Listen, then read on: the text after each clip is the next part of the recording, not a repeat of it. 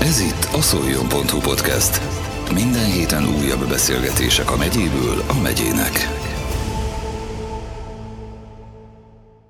Évtizedek óta meghatározó alakja a szolnoki könnyű zenei életnek mostani podcastünk vendége. Spanyel Péter nagyon sok zenekarban játszott, jelenleg két formáció oszlopos tagja.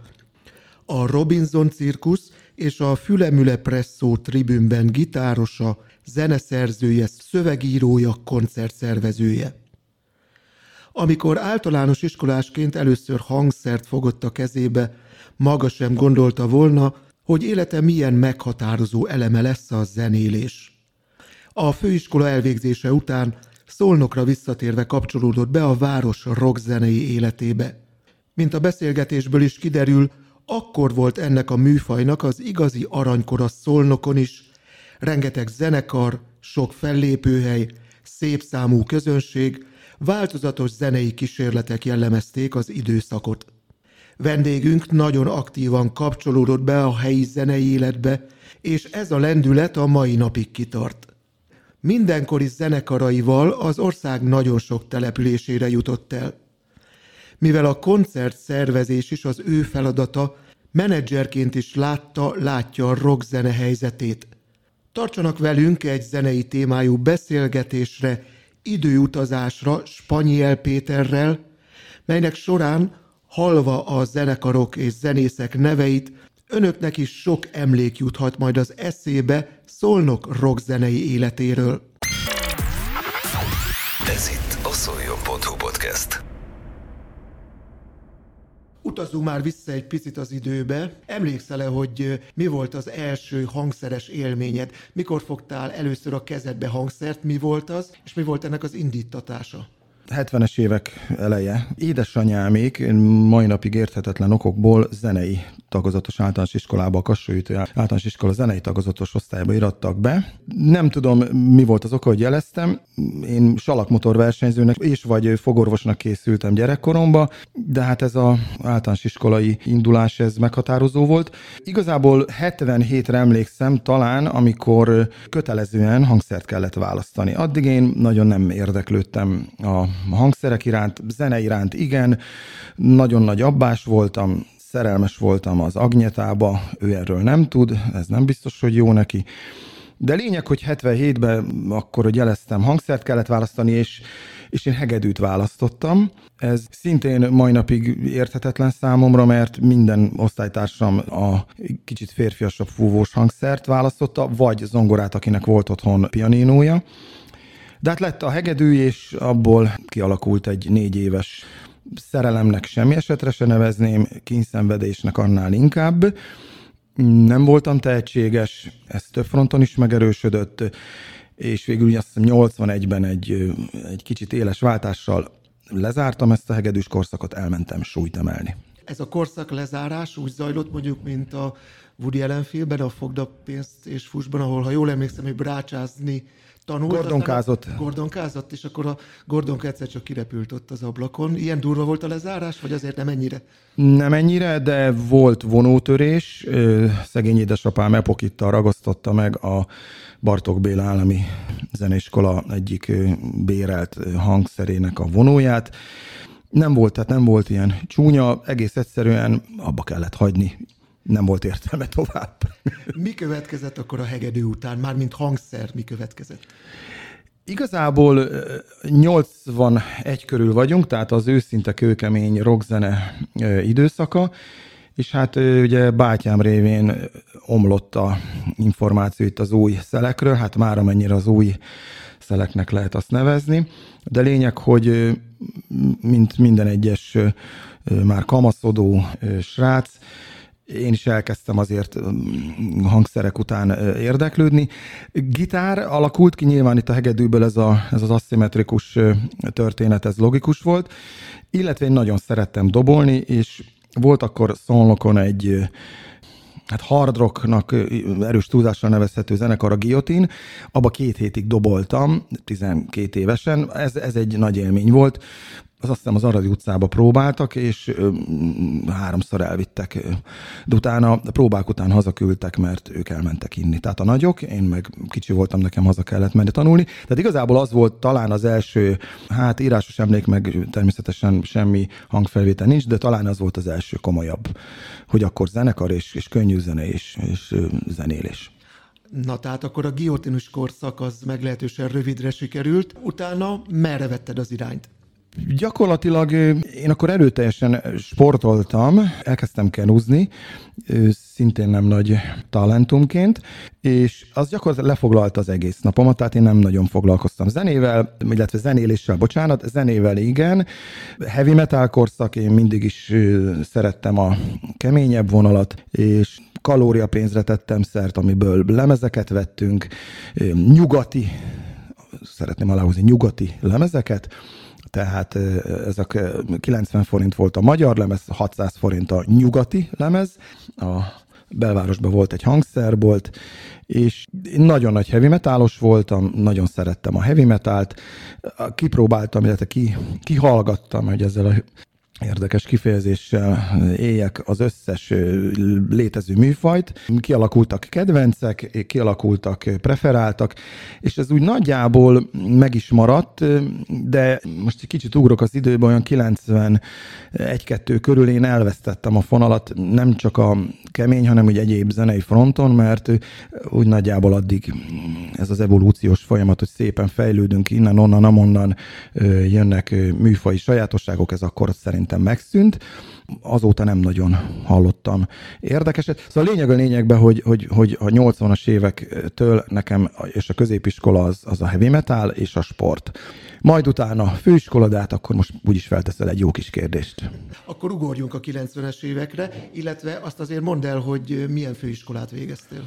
Ahogy jeleztem, salakmotor és vagy fogorvosnak készültem hat évesen, nem sikerült, úgyhogy papíripari üzemmérnök lettem. Azért ott történt egy lényeges dolog, ez Budapesten volt a harmadik kerületben ez a főiskolás történet. 88-ban, amikor én még első évfolyamot zártam, harmadik folyamosokkal voltam egy szobába, és úgynevezett bolond ballagásuk közeledett, az hát minden földi jóval, hogy el lehet képzelni, megáldott történet, és én javasoltam akkor a szobatársaknak, a nagyoknak, hogy hát csináljunk egy zenekart. De hát nem tudunk zenélni. Mondom, én se nagyon, de majd, majd lesz valami.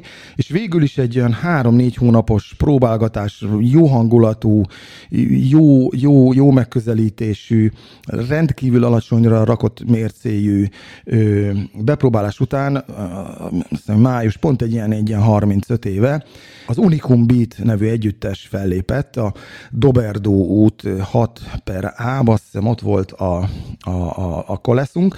Azért lényeges, mert mivel harmadik kerület, tehát Buda, egy ilyen hegyoldalba volt, és mi a hegyoldalba léptünk fel, szembe volt velünk a kollégium, ez akusztikailag okozott némi problémát, ugyanis fél óra, három óra múlva már kim volt a rendőrség, ez valahogy meg is határozta a dolgot, mert azért többször jött ki rendőrség koncertünkre. De lényeg, hogy az egy nagyon érdekes volt, mert nagyon jó ilyen, ilyen indító volt nekem. Tehát jó, jó esett az az egész, hogy megszervezni, siker volt, kellemes élmény. Tehát amikor az első benyomás így kellemes, hogy, hogy életem első koncertje, életünk első koncertje, ugye sokunknak, és gyakorlatilag utána, utána minden évben volt így a bolond ballagáskor különböző formációkban egy ilyen szedett-vedett zenekarosdi, de igazából, amikor 90-ben úgymond visszajöttem szólnokra, akkor kezdtünk el ö, ö, ö, igazából muzsikálni itt helyi erőkkel. Ez itt a szoljon.hu podcast. Amikor visszajöttél Szolnokra, gondolom nem fürkészted annyira itt a zenei életed, de mit találtál, mibe csöppentél be zenei szempontból?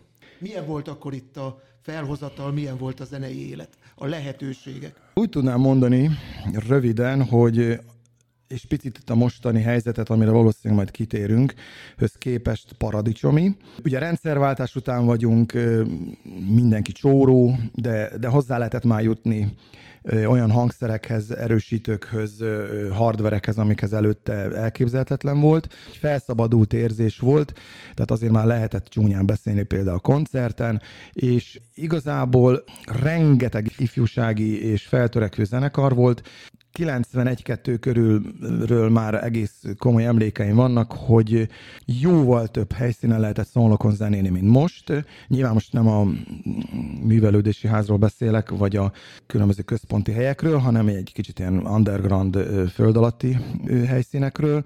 Jártunk egymás koncertjeire, voltak metalisták, voltak undergroundosok, voltak jazzesek, nagyon jó volt, nagyon jó volt. Kölcsönadtuk egymásnak a hangszert, kölcsönkértünk egymástól, volt 8-10 helyszín, különböző színvonalú, nyilván csóró volt mindenki, tehát nem egy mostani színvonalhoz képest is egy, egy gyengécskébb hangminőség, de, de a lelkesedés, meg a, az a hév, meg az a láz, az, az, az, az nagyon, nagyon, nagyon jó volt. Nagyon jó volt az az időszak. Mi volt akkor az a kezdő szolnoki formáció, amiben elkezdted itt a szolnoki karriert? Karrier az, az túlzás, de maradjunk annál, hogy a kezdet. Nyilván voltak barátaink, akik, akikkel tartottam kapcsolatot a főiskola során, csak ugye nem volt intenzív ez a zenélési lehetőség, úgyhogy egy trió alakult ki, Tóth Peti aki most nem is tudom már, hát a Tigrisből ismert talán, illetve a Fülemüle Presszóból, majd azokról is beszélünk, illetve hát a szegény megboldogult Zsukival, Fekete Zsuki Lászlóval belekezdtünk olyan 91-be,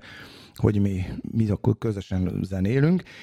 Az első koncepció az volt, hogy mindenki hoz három, négy, öt zenekartól egy-két kedvencet, és akkor egy ilyen, most ilyen feldolgozás zenekarnak mondanánk, de, de akkor mondjuk úgy, hogy ilyen katyvasz mindenki hoz. Ebbe volt Police, Judas Priest, Guns N' Roses, nem tudom még mi, és néhány próba után rájöttünk, hogy ez nem megy nekünk. Nagyon helyesen úgy döntöttünk, hogy, hogy ezt ne erőltessük, Viszont én már akkor nagyon intenzíven hallgattam Ramos-t, azt a jó kis amerikai punk, punk bandát.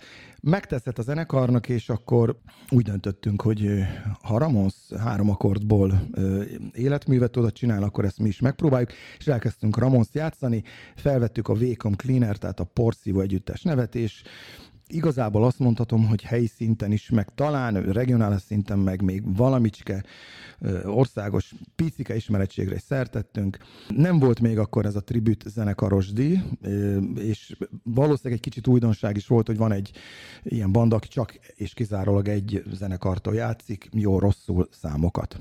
Ezt aláírhatom én is, hogy valóban ez igen jól ismert zenekar volt, nem csak Szolnokon. Az országos szint az mit jelent? Tehát, hogy mer- merre jutottatok el a zenekarral? A Prosektúra nevű szexárdi őspunk zenekar felkarolt minket, Nagy Ramonszra rajongók, és pár koncertre elvittek magukkal Szexárd, Mohács, Budapest, illetve az akkor még jóval hogy mondjam, harcosabb és, és, és vállalhatóbb Sziget Fesztiválon, a másodikon, 94-ben még játszottunk is ott egy színpadon, ez természetesen most teljesen lehetetlen, úgyhogy nagyjából ennyi volt az országos ismerettség, de nyilván döntően azért szólnok volt a, a fellépési hely. Meddig tartott ez a vákum cleaneres korszak, és ezzel párhuzamosan futott már valami, vagy ez lezárult, és akkor kezdődött egy másik zenekarban való munkálkodás?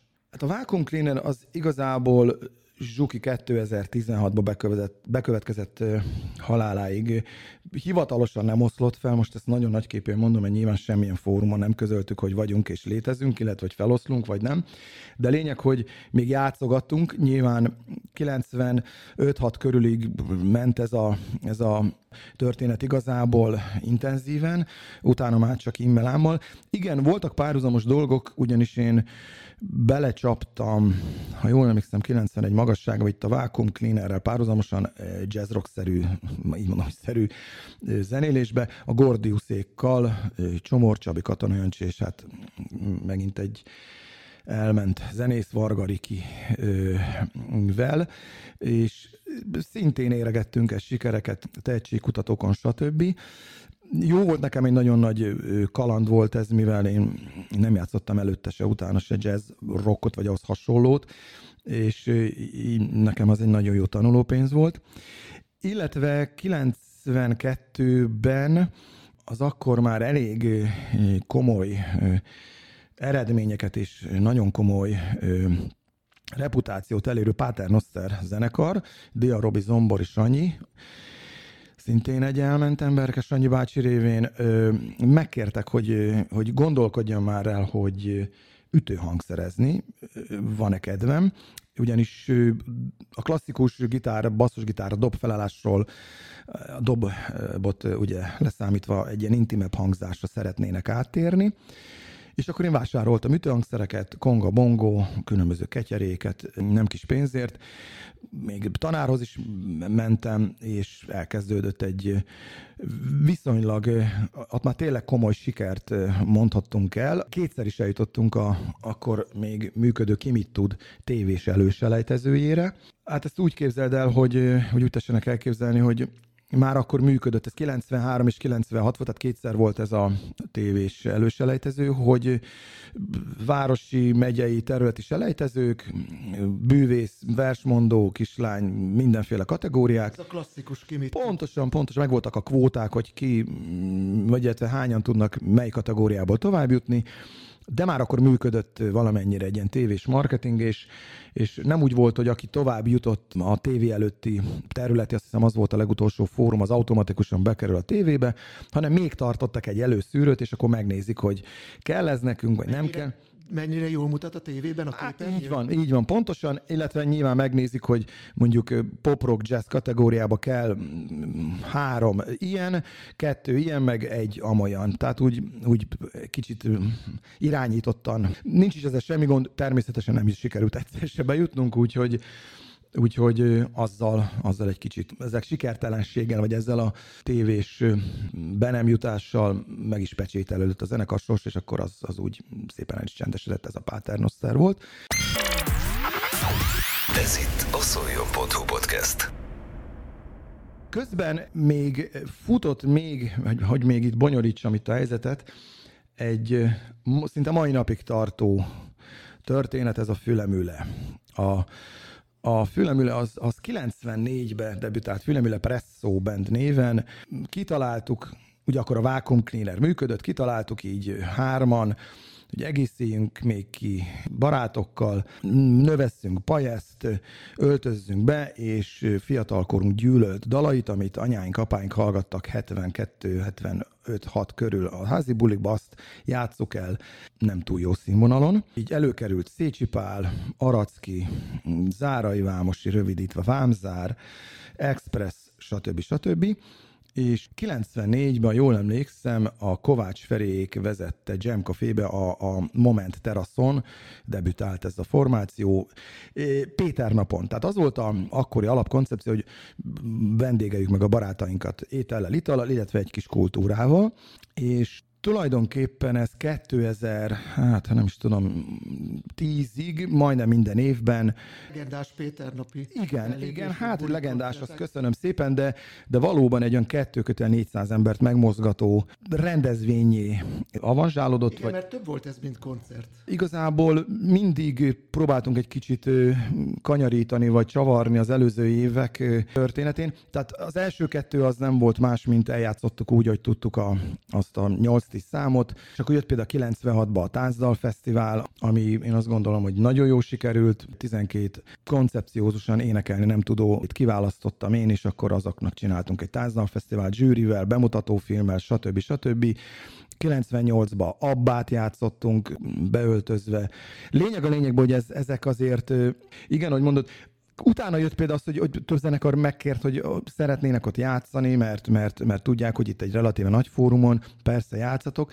Tehát végül is utána egy pár év mert később 2000-es évek már kulturális seregszemlének hívtuk, nagyon erős túlzással, de például nekem döbbenet volt, mint szervezőnek, hogy Hát én már meg nem mondom melyiken, de ugye a 5 hatodikon árusok hívtak fel, Kürtős Kalács, Gírosz, meg a jó Isten tudja mi, hogy hallják, hogy ez egy, ez egy, ez egy relatíve nagy számú rendezvény, és hogy milyen feltételeket tudnak ott árulni. Hát én mondtam, hogy nincs feltétel, mert nem lehet árulni. Hát ez egy, ez egy teljesen alulról jövő kezdeményezés, mi nem kereskedelmi célral bazseválunk ott.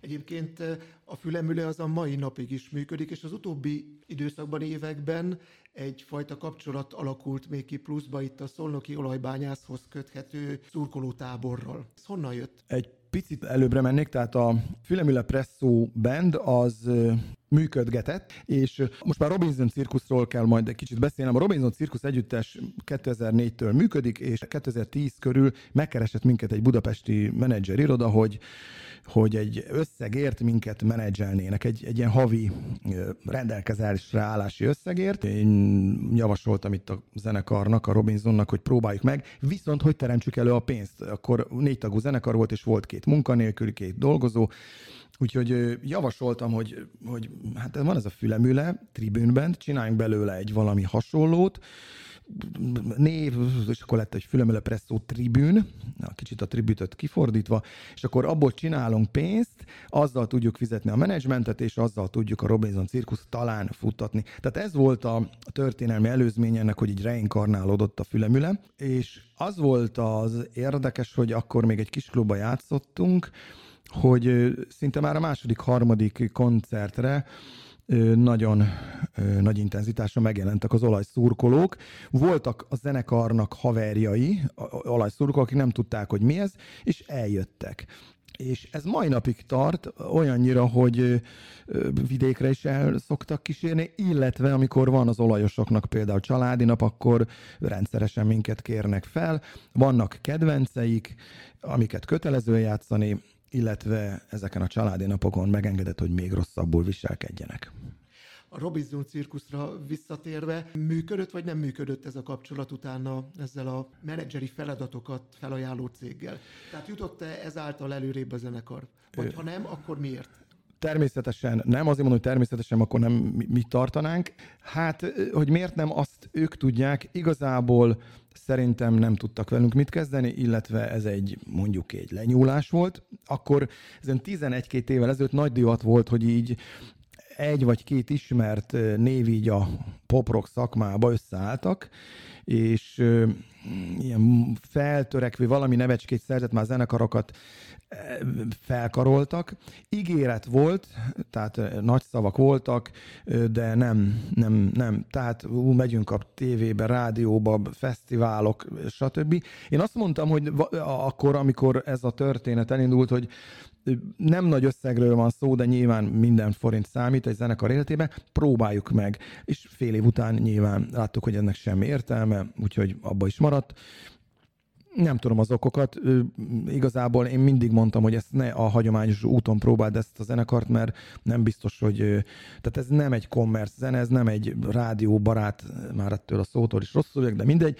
Tehát más utakat kéne keresni, nem sikerült lassan eljutunk napjainkig, vagy napjainkat megelőző évekig. Már kérdezhetem ezután, hogy jelenleg mi az, ami működik, mi az, ami tervbe van? Ugye most 2023-ban kettő zenekar van, tehát itt a, a 20-30 évvel ezelőtti katyvaszból letisztult. Az első szám és a fő profil nyilván a Robinson cirkus saját zenével, szerény elismertséggel és jelenléttel illetve a Fülemüle Presszó Tribune amely mondhatom azt, hogy ön, önjáró, az nyilván egy könnyebben eladható és könnyebben bevihető bármilyen történetbe.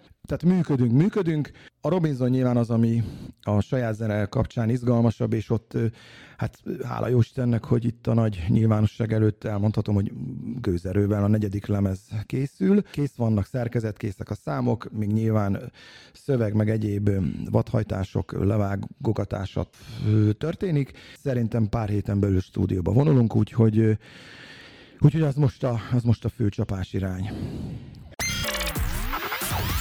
Ez itt a szoljon.hu podcast.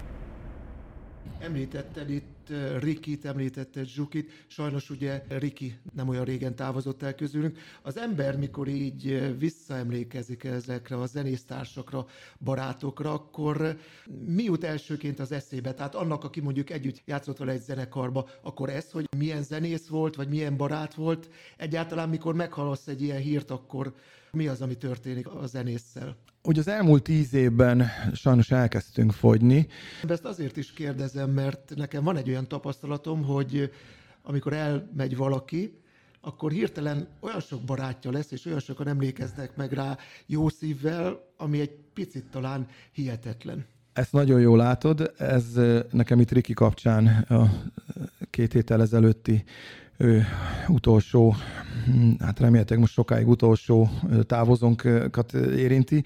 Nekem is döbbenet volt a, a Facebook kapcsán, ugye hát látható, hogy Na mindegy, hát ez, ez mindenkinek a saját lelki dolga. Tehát a lényeg, hogy, hogy nekem Kovács Feri 12-ben bekövetkezett halála volt az első ilyen döbbenet, akkor úgy nagyon, nagyon beindultunk, sajnos.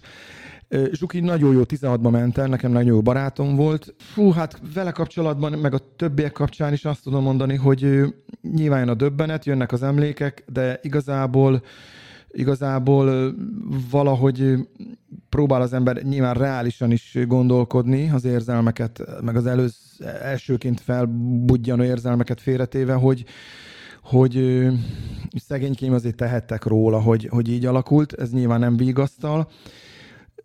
Zsuki kapcsán talán csak annyit, hogy próbálkoztam, hogy a, a a, az életvitelén egy kicsit változtassunk négyszer, ötször, de nem nagyon durván lepattantam, úgyhogy Úgyhogy, úgyhogy nem, nem, nem, vele kapcsolatban tehát volt egy ilyen, egy ilyen, egy ilyen nem túl érzés is, hogy, hogy de nem lelkis, lelkismert fudalás, csak hogy, hogy miért nem tudtuk megmenteni. Igazából valahogy ez egy kicsit ilyen, sokat gondolkodtam, hogy, hogy, hogy a lelket valószínűleg egy picit azért nyomorítja, hogy, hogy például Kovács Feri kapcsán, hogy egy tehetséges zenész volt, mindenki elismerte a zeneszerzői, szövegírói képességét, de hogy itt vergődött ebbe a városba, és, és alamizsna morzsákért kellett zenélnie.